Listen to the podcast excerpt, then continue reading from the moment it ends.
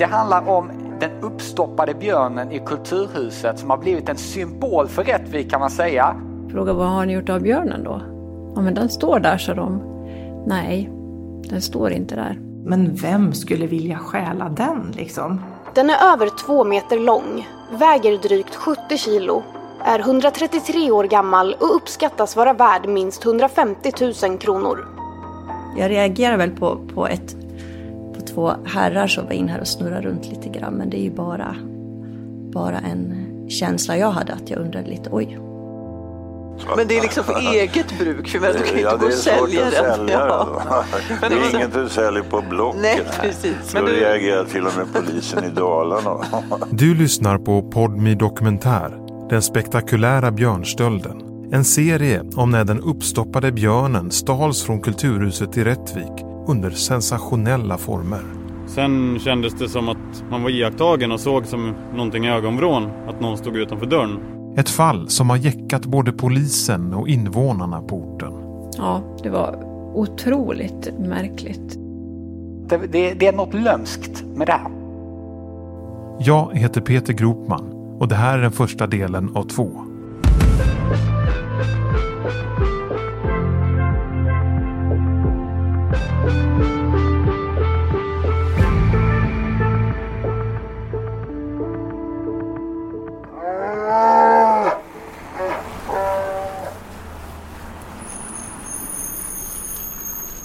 Ska jag försöka hitta någon som vill berätta lite om Rättvik här på stan?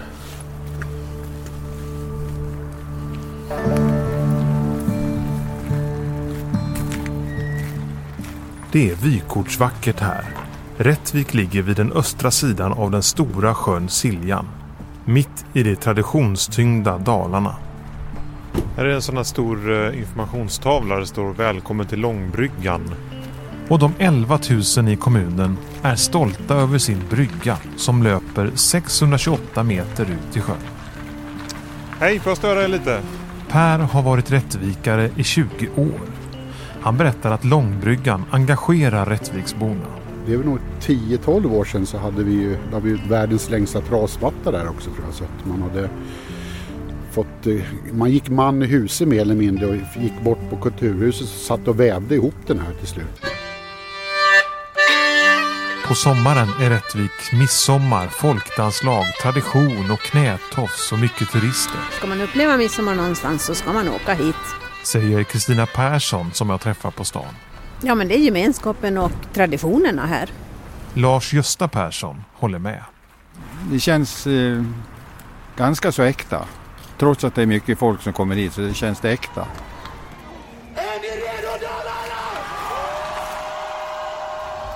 Varje sommar kommer världsartister till det stora kalkbrottet Dalhalla, ett stenkast från Rättviks centrum. Ja, alltså själv tycker jag att det är en helt fantastisk plats.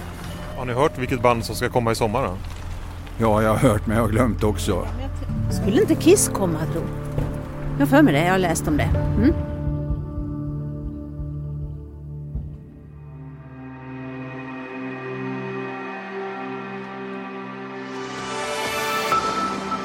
Men när klockan slår 23 byter arrangemanget skepnad i form av droger, fylla, bråk och vandalisering. Men Rättvik är också den stora cruisingveckan Classic Car Week. Sveriges största bilträff med cirka 10 000 bilar på plats och som på senare år skapat stora nyhetsrubriker. Våra vänner som bor här nere i Rättvik, de är ju bekymrade. De stökar till, ungdomarna stökar till. Många sköter sig jättebra och tyvärr så är det flera som inte gör det. Så att, men det, vad ska vi göra?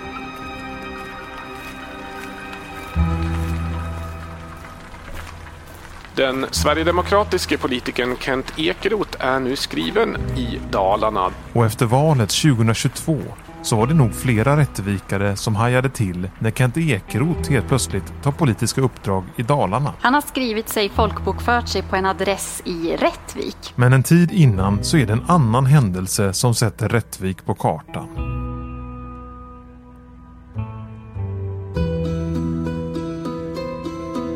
Ett mysterium som fortfarande inte är löst och där flera rykten cirkulerar på byn.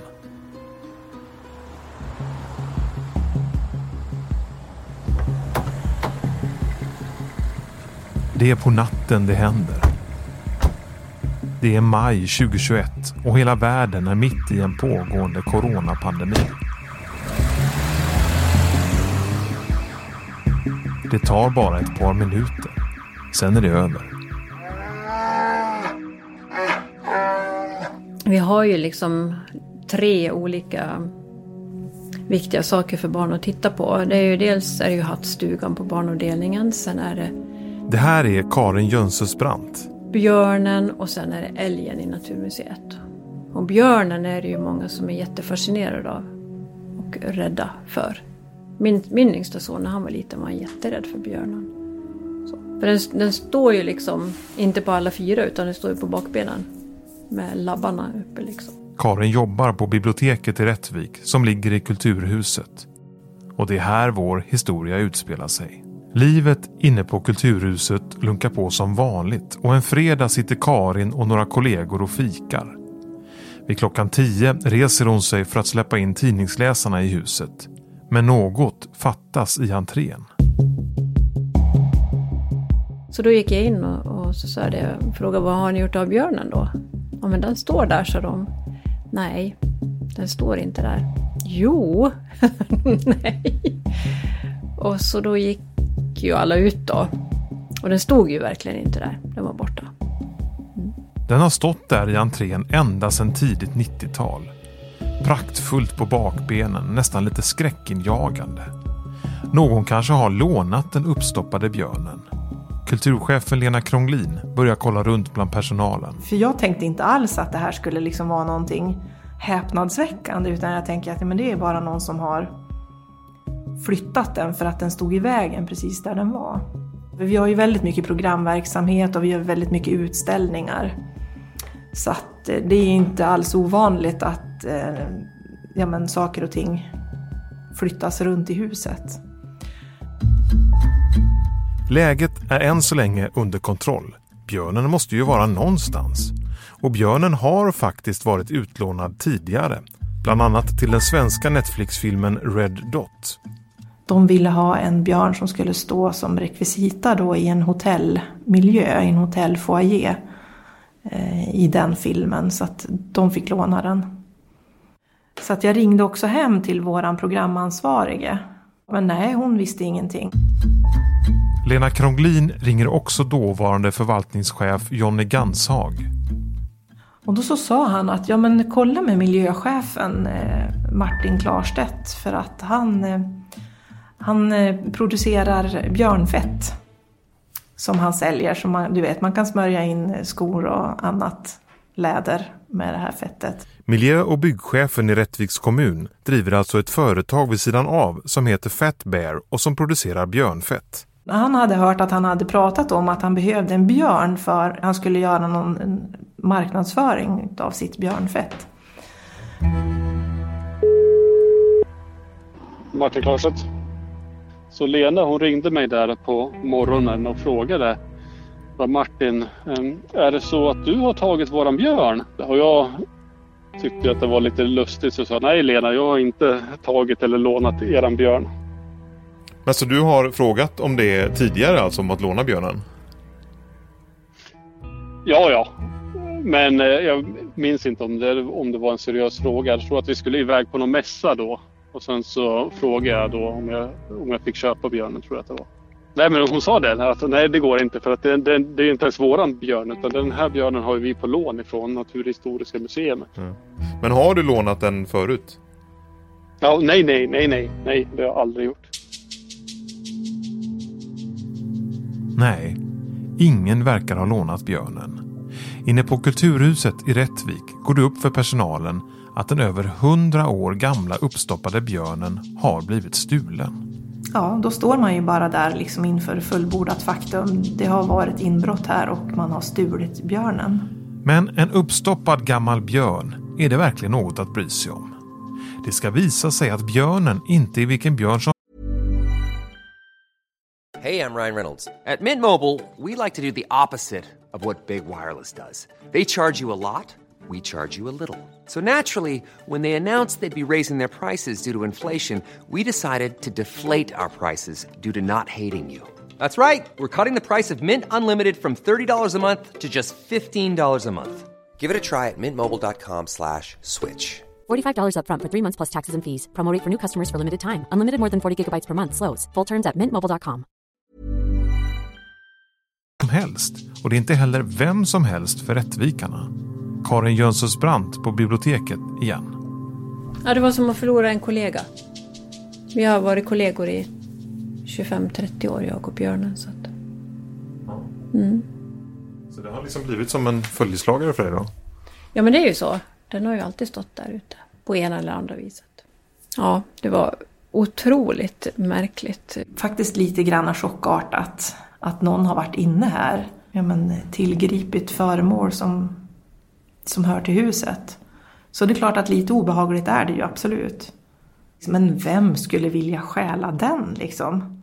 Du menar att det finns andra värdefulla saker också? Som man liksom skulle passa på att ta? Eller? Ja men det är klart att jag menar det är, vi, det är ju ett konstmuseum här också.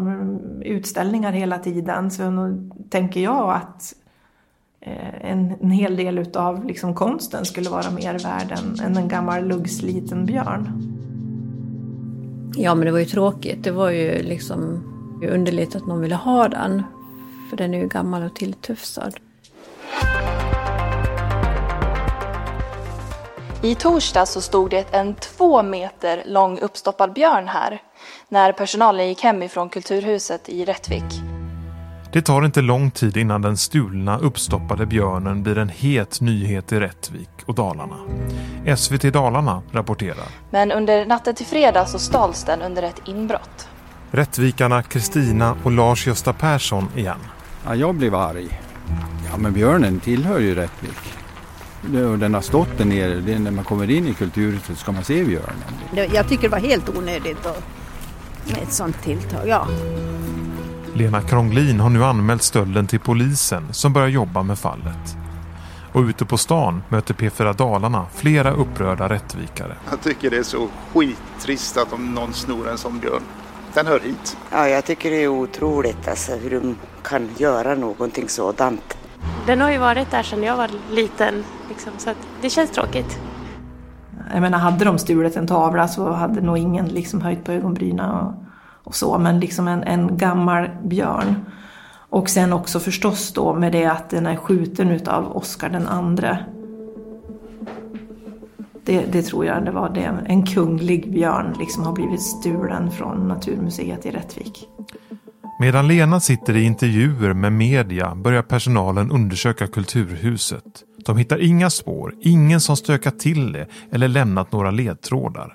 Den eller de som har gjort det här måste ha varit extremt försiktiga. Jag var övertygad om att eh, här måste någon ha hängt kvar eh, i, i lokalerna.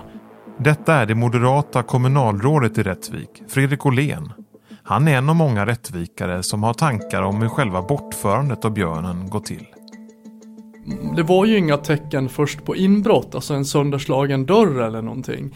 Och jag bara tänkte, ja men så kunde man göra. Jag vet ju hur det ser ut där inne också. Det finns ju ändå ställen man skulle kunna faktiskt sitta och gömma sig på. Och sen har man eh, gjort ett ryck då. För larmet går väl tänka när man rör sig. Men sitter du still så kan du sitta där, låta timmarna gå.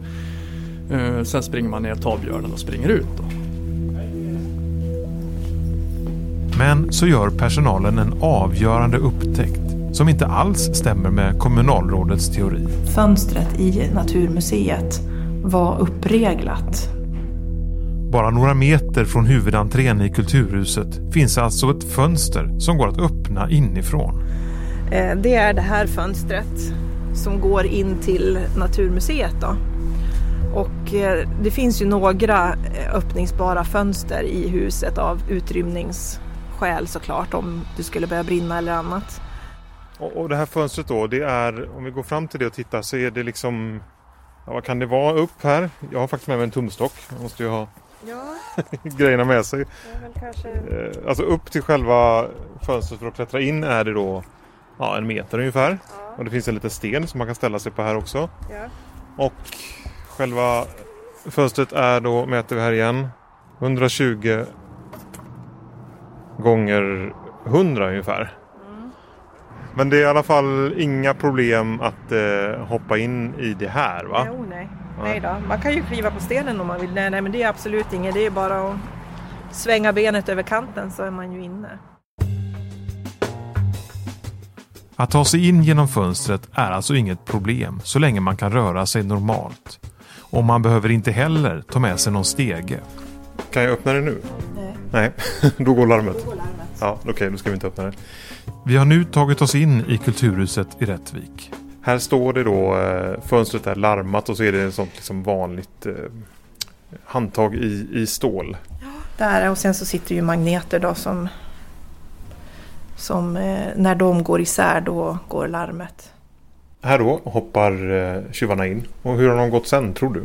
Ja, Vi kan gå hela vägen sen här vet kanske. vi ju då att de har gått den här vägen som är den närmaste vägen. Okej, och det, den, där pågår det en renovering just nu men här finns eh, lite uppstoppade djur i, no, i montrar. Ja, det stämmer. Det är, vi har nästan alla arter som finns i Dalarna. Och så går de då den här sträckan fast i andra rummet som renoveras just nu. Ja. Eh, och även här så är ju dörren stängd och låst i Naturmuseet. Just det, det är alltså en dörr som eh, tar oss ut till eh, biblioteket och foajén. Ja, precis. Så den har de öppnat också? Den har de öppnat. Och sen kommer de in här i entréhallen.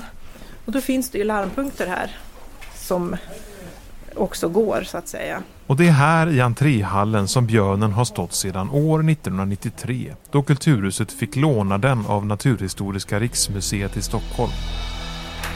Så att då går man hit och så tar man björnen och så fortsätter man den här vägen ut genom entréhallen. Och slutligen så går man ut huvudentrén. Hur många minuter tog det? Eh, det tog inte många minuter. Två, tre minuter så var de borta härifrån. Så det var verkligen, det kändes som att det var otroligt planerat. Och man måste ju ha varit mer än en i alla fall. Minst två, förmodligen tre.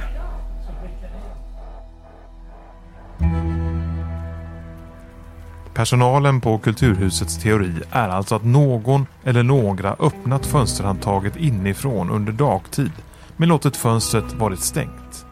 Sen på natten har någon eller några puttat upp fönstret utifrån, gått igenom Naturmuseet och sedan ut till björnen i foajén.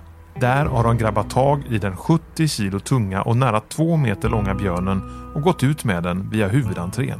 Är ni helt säkra på att det är den här vägen de har tagit? Ja. Och hur kan det vara det? Det, det syns på larmet. Det, vi har ju larm inte bara på fönstren utan också inne i lokalerna.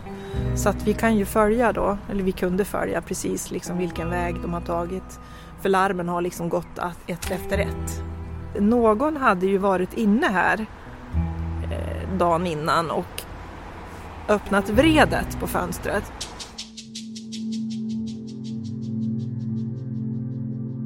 Larmet är kopplat till räddningstjänsten i Rättvik och klockan 2.13 på natten blir de medvetna om att någon tagit sig in i Kulturhuset.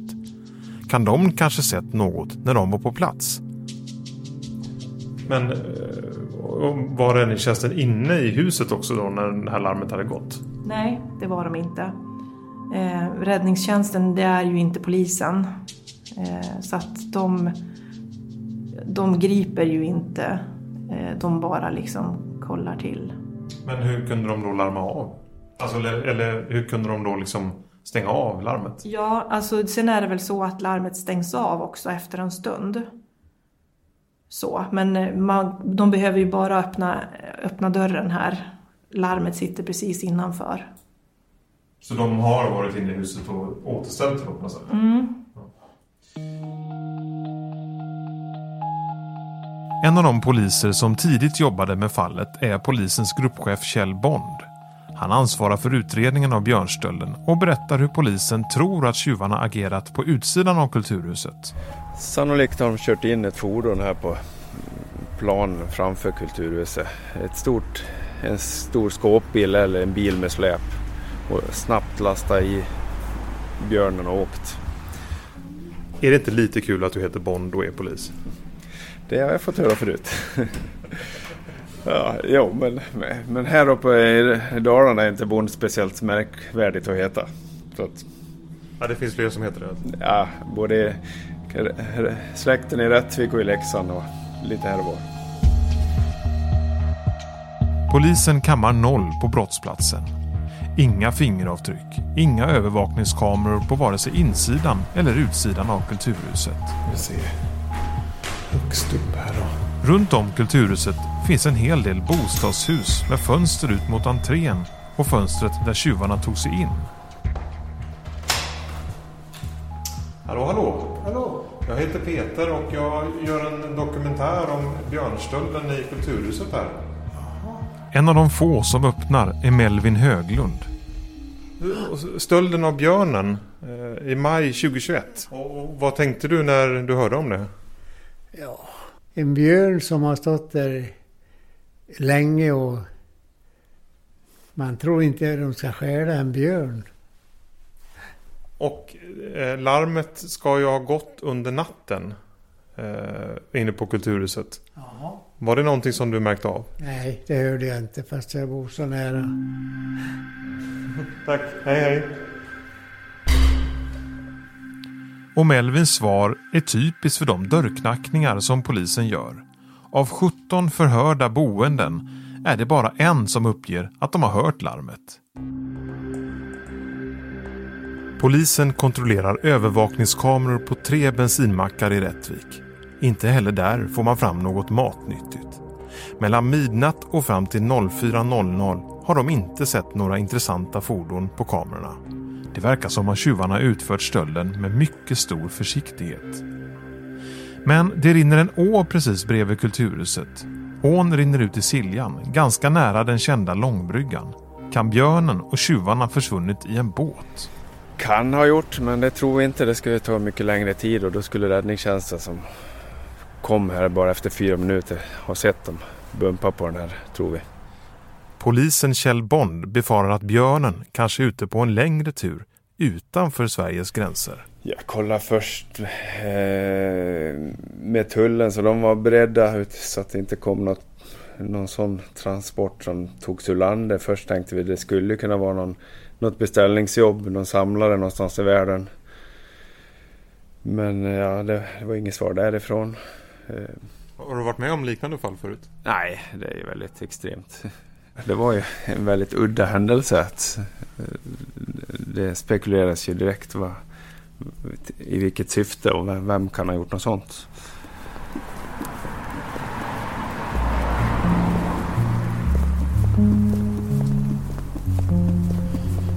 Rättvik by night, eller by kväll i alla fall. Någon här måste ju veta vem som tog björnen. Eller åtminstone ha teorier. Jag går här på en av de stora gågatorna, eller vad man ska kalla det för. Här har vi Coop, här har vi Klädetta, en butik. Dala guldsmide och här någonstans så ska det finnas en ungdomsgård. I varje mindre kommun i Sverige finns det ett gäng EPA-ungdomar. Det var nog in här kanske. Jag tänker att de unga på orten kanske vet något om det här. Här går förbi en frisörsalong. Det är fortfarande öppet trots att timmen är lite senare.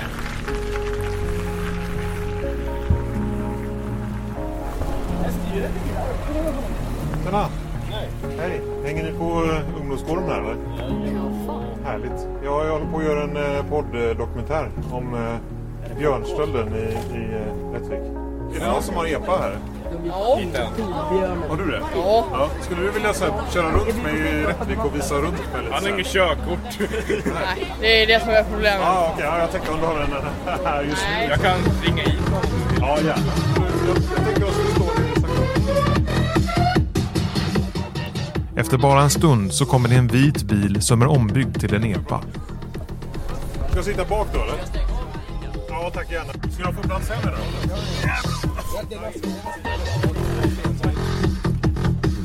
då? Rättvik by night, en vanlig måndagkväll. Var ska vi åka någonstans? Jag åker bara runt Rättvik lite. Ja. Det är Rättvik-ungdomen Emanuel som visar mig runt på orten. Berätta, hur är det att vara ung i Rättvik då? Ganska tråkigt. Sura snutar. Då, död, sam, dött samhälle. Inte så mycket att- inte så mycket att prata om. Nej. Vad, sura snutar säger du? Ja, grinar på allt möjligt. Ja. Är du uppvuxen i Rättvik? Ja, eller ja, mer utkanten. Ja, men berätta, var är vi någonstans nu då? Ja, nu är vi ute på Hemköp. Och så, inne där, bakom här, huset här, så har vi biblioteket. Ja, dit någon gång med skolan, men det var inget så här vardagligen. Var det inte. Minns du eh, björnen? Ja, ja. Var inte det någon kung sköt utanför typ Falun? Farsan jagar ju, så jag är uppväxt med uppstoppade djur och sånt där. Så det är inte direkt något konstigt för mig. Du är uppvuxen med uppstoppade djur? Ja, vi har sånt hemma. Vad ska vi se, nu kör vi liksom ut på riksväg 70 här va? Ja.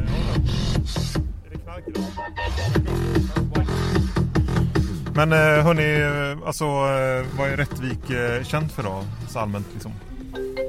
Oj, nu ringer det. Car Week. Ja. Är det väl. Det är väl typ det. Hur är det här då? Mycket fylla. Väldigt mycket fylla. Och ro, roliga turister. Roliga turister? Ja. ja. Nej, då åker vi typ tillbaka. Ja, oj. Nu har det hänt något. Ja, det snutar. Oj! Ja, det var inte jättebra. Ja, polisen är i stan så vi dras tillbaka till ungdomsgården. Epan består av konstruktioner som kanske inte är helt okej enligt lagboken får jag reda på. Men du det här med, med björ, uppstoppade björnar och sånt där eh, som du har hemma, hur många har ni? Eh, vi har inga björnar men vi har, eh, hade i alla fall uppstoppade typ, ja, rovfåglar. Som, eh, jag vet inte hur han, farsan fick tag på dem. Han, ja, han, har, han hade sådana hemma i alla fall. Så är det mycket upp, eh, ja, horn då. Från bland annat dovhjort, rådjur, eh, björnskallar har han, älghorn. Det är mycket sånt. Men eh, och den här stölden då, Maj, ja, vilken låg bil du har, den slår i här någonstans. Eh, och eh, nu är du 30 här, skola står det. Vem tror du eh, snodde björnen då? Jag vet inte, säkert någon som inte är härifrån. Här i byn så är det mest bara snorungar och gamla tanter. Det är inte så mycket däremellan. Det är om någon snorunge fått för sig att ta en björn men... Ja men eh, nu är vi, har vi parkerat här igen vid ungdomsgården. Ska jag gå ut här då alltså? Ja. ja. Vad, är, vad är polisen nu då? Eh, hoppas vi inte att den här. Tack så hemskt mycket.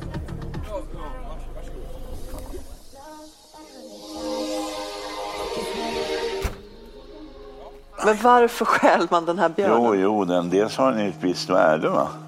Nu börjar även riksmedia och kriminalprofessor Leif GW Persson att intressera sig för fallet. Så här säger han i TV4s Nyhetsmorgon. Och sen om man är sådär jaktintresserad och vill snopsa till sin avsides belägna jaktstuga och sådär. Då är naturligtvis det här en pièce de résistance av ansenliga mått. va. Men det är liksom för eget bruk, för du kan ju ja, inte gå och det är svårt sälja att den. sälja Ja. Det är inget du säljer på Blocket. Nej, precis. Då Men du- reagerar till och med polisen i Dalarna. TT skriver om björnen och fallet engagerar även TV4s Efter fem. Den är alltså två meter lång och väger väl 70 kilo och det verkar inte ha varit något uppbrutet eller något sånt där. Så att det, det, det är något lömskt med det här. Kanske kan TV3s långkörare Efterlyst hjälpa till att lösa björnstölden. Och Oscar den andres björn stulen. Det här är Efterlyst. Exakt hur vi hörde talas om den vet jag inte, men den kom ju upp på ett eh, redaktionsmöte vi hade. Jag träffar Hasse Aro, programledare för Efterlyst. Och att vi skulle göra någonting på den var alldeles självklart. I 30 år har jag kört det här programmet men aldrig trodde jag att kung Oscar den andre skulle bli föremål för intresse hos oss. Men nu är han det. Hur ovanligt är det att man snor en uppstoppad björn? Det tror jag är enda gången jag har hört talas om det. Redaktionen skickar upp en reporter till Rättvik. Den är över två meter lång, väger drygt 70 kilo, är 133 år gammal och uppskattas vara värd minst 150 000 kronor. Och i inslaget lägger polisen Kjell Bond fram flera teorier. Bland annat att björnen har använts som rekvisita på en fest. Sen skulle det kunna vara en fyllgrej, någon, någon som fyller år eller någon partypryl eller någonting. Och då får vi hoppas att de nyktrar till och lämnar tillbaka den. När jag såg inslaget och såg eh, polisen som blev intervjuad så hans andra teori där om att det var någon fyllegrej, kanske inte en fyllegrej men ett skämt, alltså ett practical joke, inte riktat mot museet utan riktat mot någon annan som i något sammanhang får den här björnen tilldelad sig. Och för hade det varit en ren fyllegrej så hade man ju inte förberett det som man har gjort. Man har ändå varit där och rekat, man har ändå uh, ställt upp fönstren så att man ska kunna göra det här. Så det, det finns ju viss planläggning bakom. Men om björnen har varit med på en fest så borde ju folk tagit bilder på björnen som ju lätt kan spridas genom sociala medier. Hasse Aro igen. Ja men det tyder ju på att det var en tajt fest. Folk var där och visste hur de skulle sköta sig. Har du sett björnen? Vet du vad den är? Hör av dig till Efterlyst. Och jag tycker att det som, är, det, som gör att det här, man kan garva åt och skämta med den här björnen är att det finns ju inget brottsoffer egentligen. Det är ingen som har lidit och då kan man skämta om det tycker jag.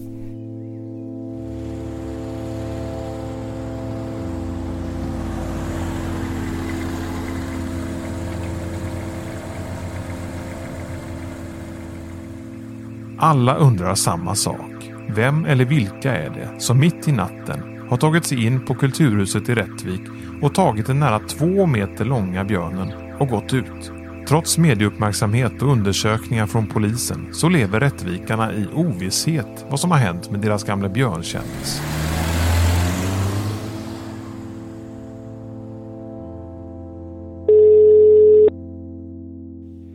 Räddningstjänsten David. Efter att jag har lämnat Rättvik för första gången så får jag tag på räddningsledaren David Johansson som var först på plats i Kulturhuset då björnen precis hade stulits. Jag blev väckt av larmet och eh, då sätter mig i bilen och eh, beger mig ner. David Johansson var på plats cirka fyra och en halv minut efter att larmet gått. Han flåsar, bokstavligt talat, tjuvarna i nacken. Och eh, väl nere där på plats, jag ser ingenting. Eh, inga, inga bilar ute eh, och jag stannar utanför Kulturhuset. Och så tar vi som vi brukar göra då. Man tar ett varv runt och tittar om rutor är krossade eller om det är dörrar som är uppställda eller ja, helt enkelt tittar ifall man ser någonting utöver det vanliga. Och det här fönstret då som, eh, som de märker senare att det är uppreglat. eh, Var, var det öppet när du kom dit? Nej, eh, det var inget fönster som, som, stod, som stod öppet. Så det, det var väl igen men jag, jag röck inte i alla fönster runt omkring där. Så det var inget jag märkte att någonting, att någonting var öppet. Såg du några eh, bilar ute på stan, ute på Rättvik så vid den här tiden? Nej, jag såg inget, inget folk i den här tiden. Men det var inte bara David på räddningstjänsten som var ute på stan den där natten. Isak jobbade då på Securitas. Han kör förbi Kulturhuset bara minuter efter att larmet har gått. Eh, och då möter jag brandkåren. Deras utryckningsfordon tror jag att det var. Eh, och vi pälsar liksom bara genom bilarna. Eh, och så gör vi inget mer än så. Sen åker jag vidare och han åker vidare och då tänker ingen mer på det. Och dagen efter blir Isak uppringd av polisen. Och säger att björnen har blivit stulen. Det var väl, jaha, oj, ja, det var väl inget bra. Eh, Och så försökte man väl återgå i tankarna och se om man hade sett någonting konstigt under kvällen eller natten. Men det kan ju inte minnas att jag har gjort. Och eh, larmet då, eh, gör det, lät det någonting från larmet när du kom dit? David Johansson på räddningstjänsten igen. Nej, det var, inget, det var ingen signal eh, som jag kunde höra när jag kom dit. Men, men då innebär det att någon har stängt av eh, larmet då, eller, eller stängde du av det? Nej, jag har inte stängt av något larm.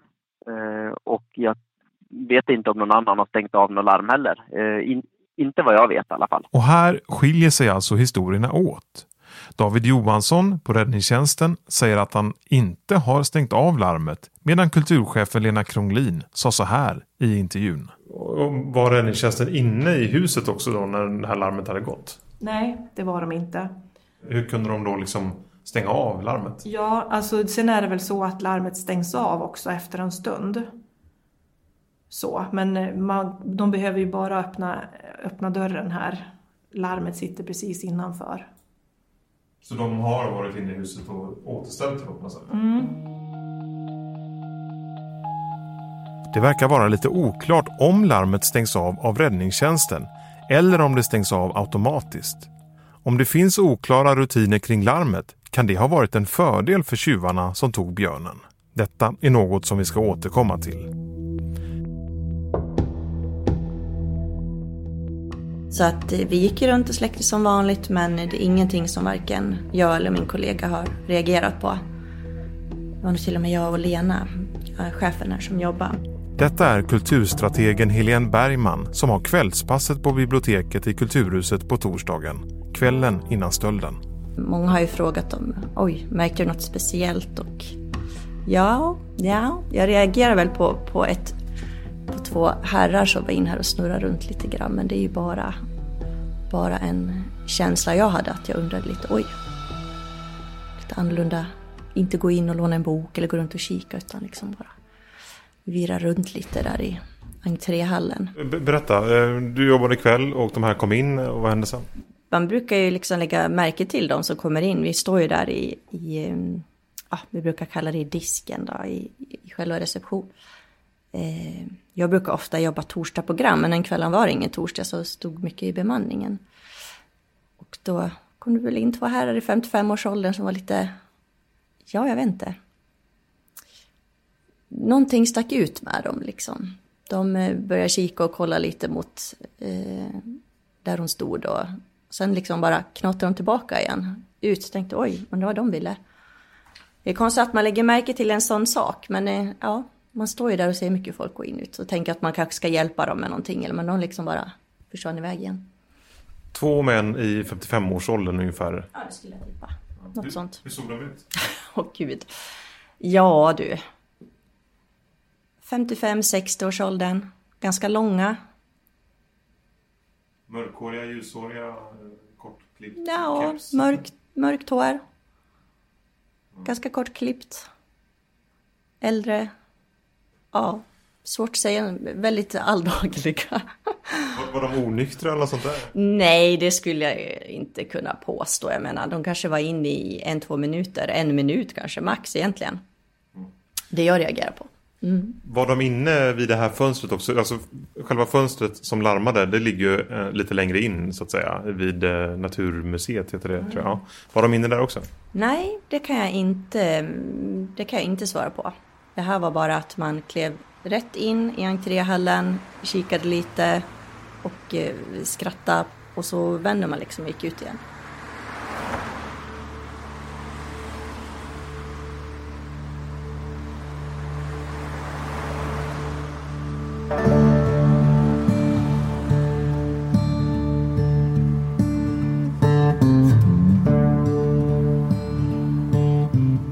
Dagarna går i Rättvik. Sommaren står inför dörren och ute i byarna kring orten förbereds det för studentfester och så småningom midsommarfirande med fiolmusik och folkdräkt. Men den över hundra år gamla björnen som sköts av självaste Oscar den andre är fortfarande borta. I skydd av mörkret har den försvunnit på några få minuter och tjuvarna har inte lämnat ett endaste litet spår. I nästa avsnitt, då historien tar en ny och oväntad vändning. Ja, jag tog ju mina uppgifter som vanligt och så skulle jag gå och dammsuga där vid entrén. Sen kändes det som att man var iakttagen och såg som någonting i ögonvrån att någon stod utanför dörren. Och snart börjar snacket gå på byn. Vem har tagit björnen? Alltså man har ju fått en hel del på byn som har sagt att de tror att det är jag. Det går ju rykten på stan här om att eh, polisen vet vilka som gjorde det här. Hallå? Alltså jag vågar inte riktigt ha på bandaren. Du har lyssnat på den första delen av Podmi Dokumentär om den spektakulära björnstölden. En serie i två delar. Vill du höra den andra delen så kan du göra det redan nu hos Podmi. Den här dokumentärserien görs av mig, Peter Gropman, på Iris Media AB, exklusivt för Podmi. Exekutiv producent på Podmi är Emilia Melgar Arnheim. Nyhetsklippen kommer från TV3, TV4, SVT och radioklippen kommer från P4 Dalarna.